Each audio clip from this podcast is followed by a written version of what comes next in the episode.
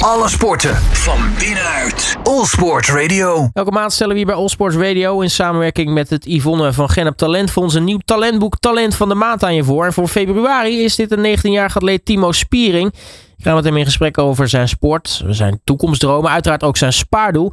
En ik ben ook blij dat hij eh, bij mij hier in eh, de studio is aangeschoven. Timo, welkom. Ja, leuk uh, dat ik hier mag zijn. Ja, leuk dat je hier bent natuurlijk ook. Um, allereerst, ja, Timo, uh, je bent atleet. Uh, hoe is dat eigenlijk ooit zo ontstaan?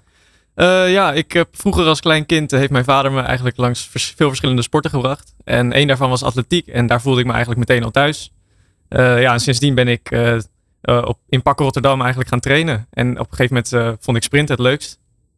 Ja, en uiteindelijk ben je ook een, best goede sprinter geworden. sterker nog, Um, je hebt het afgelopen zomer heel erg goed gedaan op het EK onder 20. Mooie medailles behaald.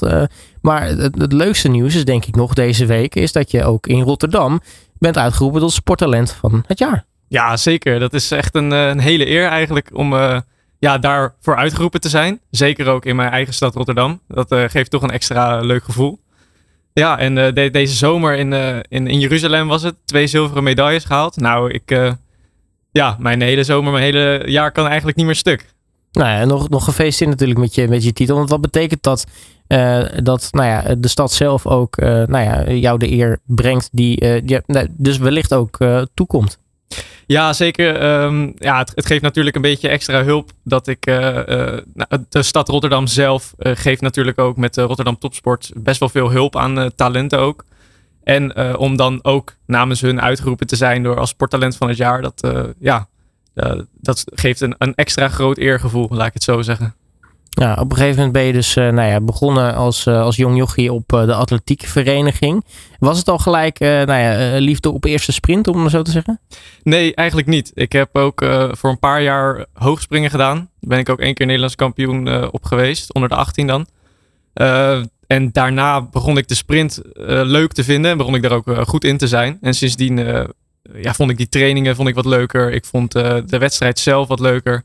Ook na, omdat je bij hoogspringen op een gegeven moment, ja, haal je je limiet. Dus op een gegeven moment moet je wel falen, om het zo van te zeggen. En mm -hmm. ik, ik vond dat een beetje ongemakkelijk. Je, je, weet, ja, je weet dat je op een gegeven moment die lat eraf gaat springen.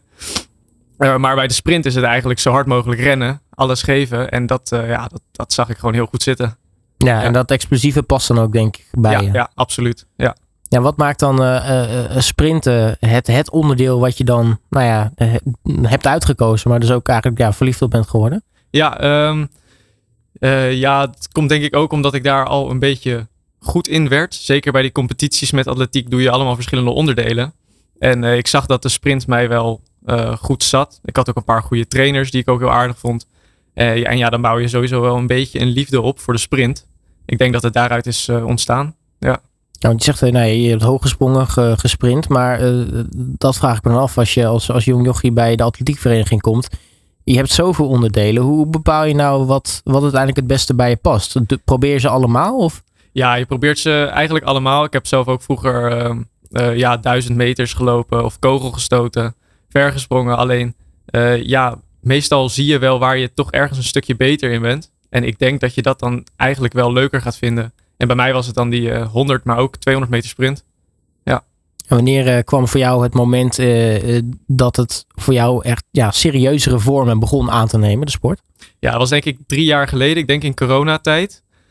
toen ja, mochten we eigenlijk niet meer trainen, nergens meer. Maar ik merkte wel dat ik, ik, ik, ja, ik was ambitieus genoeg om zelf te gaan trainen. Dus ik ben in een soort park met wat heuvels ben ik steeds uh, in mijn eentje gaan trainen. En toen ik op een gegeven moment weer een eerste wedstrijd had, had ik zo'n grote sprong uh, op de sprint gemaakt. Dat ik zelf ook wel dacht van oké, okay, ik heb hier wel talent voor. Laat ik, laat ik weet je, het eruit halen. En mm -hmm. sindsdien, ik denk dat ja, drie, drie jaar geleden, toen uh, had ik ook het limiet voor het EK onder 18 gehaald. toen begon het voor mij heel serieus te worden. Ja. Ja, en uiteindelijk ja, gaat het steeds verder richting topsport. Mag je nu al spreken van jezelf dat je nou ja, echte topsporter bent? Uh, nou, ik, ik heb mijn prestaties vorig jaar onder 20 eigenlijk uh, gemaakt in de junioren. Dus een topsporter in de junioren, zo kan ik mezelf wel noemen. Maar echte seniorenprestaties, die moeten nog wel komen. Ja, en de ambitie is er gelukkig, hè? Ja, zeker. Ja, uiteraard. Ja, neem eens even mee terug naar afgelopen zomer. Je zei het was in Jeruzalem het EK onder 20. Twee keer zilver is natuurlijk een fantastische prestatie op, op internationaal vlak. Want atletiek is natuurlijk internationaal een hele grote sport. Dus nou ja, de concurrentie is, is behoorlijk. Ja. hoe heb jij dat EK zelf meegemaakt? nou, het EK zelf vond ik absoluut geweldig eigenlijk. Ik was daar al in Jeruzalem zelf. ja, heb je eigenlijk een soort trainingskamp van een week van tevoren. En dan, dan leer je het stadion kennen. Je ziet andere atleten. En dat was voor mij eigenlijk het eerste grote toernooi wat ik echt mee heb gemaakt. Ehm, eh, en ja, dat, dat sprak mij wel heel erg aan. Ik uh, vond het zelf heel leuk. Natuurlijk heeft iedereen dezelfde ambities in je omgeving daar. Mhm. En ja, ook de, de lopen zelf, het lopen zelf, de 200 meters. Ik, was, ik ging dan alleen voor de 200 meter. Het publiek, het stadion, die, dat geluid. Ja, dat, dat voor de eerste keer meemaken is natuurlijk geweldig. Dus ik heb dat EK heel goed ervaren. Ja. Ja, want ik, ik denk dan geloof ik dan, dat het zal het Bloemveld uh, stadion geweest zijn, denk ik in Jeruzalem. Maar is dat ook gelijk het, het grootste venue waar je tot nu toe ook, ook hebt? Uh, nou, dat is niet het grootste. Ik heb ook op, uh, ik denk met het meeste publiek in het FBK-stadion in Hengelo heb ik een estafette gelopen. hij ging niet heel goed, maar ik heb daar wel echt ervaren hoe het is om eigenlijk in een vol stadion te lopen. ja, dat is na het EK toch wel een van de mooiste wedstrijden waar ik geweest ben. En lekker dicht bij huis, dus dat scheelt natuurlijk ook. hey, maar eh, kun je eens omschrijven wat, wat, wat jij dan als, leed, als, als atleet doormaakt op het moment dat jij uh, nou ja, in een volledig vol FBK-stadion met schreeuwende mensen je ding mag doen? Ja, ontzettend veel adrenaline op het eerste ogenblik, om het zo te zeggen. Die adrenaline, adrenaline giert door je lichaam, om het zo te ja. Uh, heel veel spanning, heel zenuwachtig, maar dat hoort erbij. En vooral heel veel blijdschap als je hebt gepresteerd.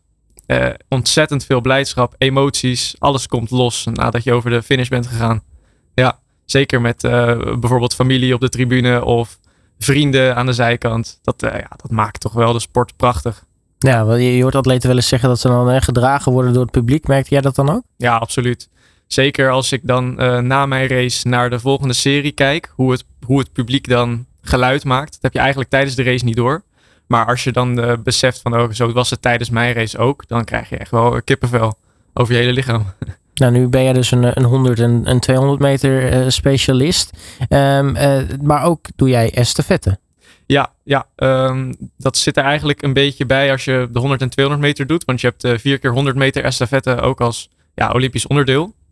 En um, vorig jaar mocht dan naar het EK 120 mocht er dan een team van ja, zes personen met twee reservelopers mocht dan mee. En uh, gelukkig was ik ook deel van dat team. Dus we hebben ook een zilveren medaille gehaald op die estafette. En eh, ja, de komende, het komende Olympische Spelen is er natuurlijk uh, ook een estafette in, in Parijs. Waar ja, ik hard voor aan het trainen ben, om het zo te noemen. Ja, ja want nou ja, hoe groot is, is de kans dat, dat jij een van die vier keer 100 meter lopers, uh, of een van de zes in totaal van de groep natuurlijk, ja. uh, gaat zijn daar in, in Parijs? Nou, die, klant, die kans zal niet heel groot zijn, maar die zal een beetje afhangen over ja, van hoe presteer ik in de komende paar maanden op, uh, ja, vooral ook de 60 meter indoor, maar ook de 100 meter outdoor straks. de top 6 verwacht ik zal meegaan naar de Olympische Spelen. Misschien de top 5, aangezien dat zal afhangen hoeveel reserves ze meenemen. Mm -hmm. ligt er ook aan uh, omdat het alleen Nederland is. Hoeveel mensen zijn fit genoeg? Hoeveel mensen zijn snel genoeg? Uh, en ik begin, in de, ik begin uh, ja, in de buurt van de top te komen. Dus dan wil ik daar ook alles uithalen. Zeker met die tijden die gelopen worden. Ja, hoe is het om ja, als atleet in, in dit moment te bevinden? Want je zegt al, je bent dicht bij de top. dat is natuurlijk een moment waarvan je ziet van, oh shit, het komt nu heel dichtbij. En, maar ook yes natuurlijk, het komt heel dichtbij. Ja. Maar het is natuurlijk ook een, een, een heel belangrijk moment dat je er nu de, niet verslapt in je aandacht en je groei natuurlijk. Hoe ga je daarmee ja, om? klopt. Uh, persoonlijk heb ik het wel, wel zwaarder dan verwacht uh, opgevangen. Zeker het moment dat je eigenlijk van junior naar senior gaat, omdat het dan heel serieus wordt. Uh, ja, dat geeft heel veel prestatiedruk. Zeker ook wel als je in, ja, met alle andere topsporters in contact komt. Op een gegeven moment, nu ben ik senior, nu moet ik ook seniorachtig gaan presteren. Ik kan niet zomaar als junior, weet je wel, een, eh, een, een vijfde aller tijden prestatie leveren. Die liggen nu veel hoger. Die, uh, nou. ja, die limieten die zijn moeilijker en veel zwaarder om te halen. En als je dan merkt van ja, oh, ik moet veel meer opgeven voor die sport. Dan begin je toch wel lastige keuzes te maken. En die, ja, die hakken soms ook wel op je in. Ja, want ik, ik neem aan, je, je traint nu nog steeds op pak, denk ik, uh, Ja, in Rotterdam. Ehm, maar op een gegeven moment, ja, dan, eh, je, je wordt nu senior. eh, je gaat je richting de top bevinden. Dan komt Papendal natuurlijk ook dichtbij. Ja, Papendal komt zeker in het, eh, in het zicht. Ik train er nu ook part-time al. Dus eh, normaal op de vrijdag en zaterdag. Deze paar weken even op de woensdag. Eh, daar leer ik heel veel van. Het is heel waardevol voor mij. Eh, het is wel een keuze die ik ga moeten maken in de toekomst. Eh, alleen ik weet wel eh, dat ik die keuze nog niet eh, echt expliciet heb gemaakt. Want ook op Pak Rotterdam heb ik twee hele goede trainers waar ik me heel thuis voel. En ik heb al heel goed gepresteerd met hun. Dus het wordt nog even goed afwegen wat nou voor mij het beste is. Ja, precies. En als keuzes makkelijk zouden zijn, dan zou het leven ook saai zijn. Hè? Precies, ja. Maar ja, de toekomstdromen. Nou ja, voor een Olympische sporter is er doorgaans maar één toekomstdroom. Dat zijn die Olympische Spelen. Ja. Ehm, maar ja, normaal gesproken als ik met een talent praat, die zijn nog wat jonger dan jij bent, eh, is het echt nog wel wat toekomstmuziek. Maar voor jou is die droom in principe binnen handbereik. Ja, klopt. Uh, dat komt eigenlijk wel echt door die estafette. Ik denk als ik individueel naar de Olympische Spelen zou gaan, dan moet ik toch nog wel vier jaar wachten. Wil ik daar echt kans voor maken. Ik heb nu als PR bijvoorbeeld 10,50 staan op de 100. Dat is gewoon een halve seconde van het limiet voor de Olympische Spelen vanaf. Dat is erg moeilijk om daar nu op te focussen. Vandaar dat ik dus nu ehm, ja, erg op die estafette focus. Ja, maar goed, nou ja, mocht, het, mocht het zo zijn, dan dan kun je je dromen denk ik al wel gaan bijstellen. Want dan ja, wordt, het, uh, wordt de volgende dromen worden wellicht wel uh, nou ja, ook goed presteren op te spelen. Ja, ja uiteraard. Ja. Beetje hey. ja, in het zicht komen van uh, iedereen en dan stappen maken. Nou om jou te ondersteunen heb je natuurlijk ook het talentboek, de crowdfunding pagina. Dat betekent dat mensen jou ook kunnen steunen. Um, je hebt inmiddels net een, een, nieuw doel. Ja. kun je eens uitleggen waar dat voor is en, en, en wat het doel dan precies is? Ja, het doel is eigenlijk op weg naar de Olympische Spelen om ervoor te zorgen dat ik die weg zo makkelijk mogelijk maak. Dus de kansen dat ik daar kom, dat die zo groot mogelijk voor mij zijn. En de Yvonne van Gennep Talentenfonds, dat helpt mij eigenlijk erbij om een beetje van die druk die je dan ervaart in die overgang uh, te verminderen. Door um, dat ik ja, mijn financiële lasten zoals kleding, maar ook trainingstages wat enorm veel kost. Maar ook ja, medische uitgaven. ja, dat te verlichten.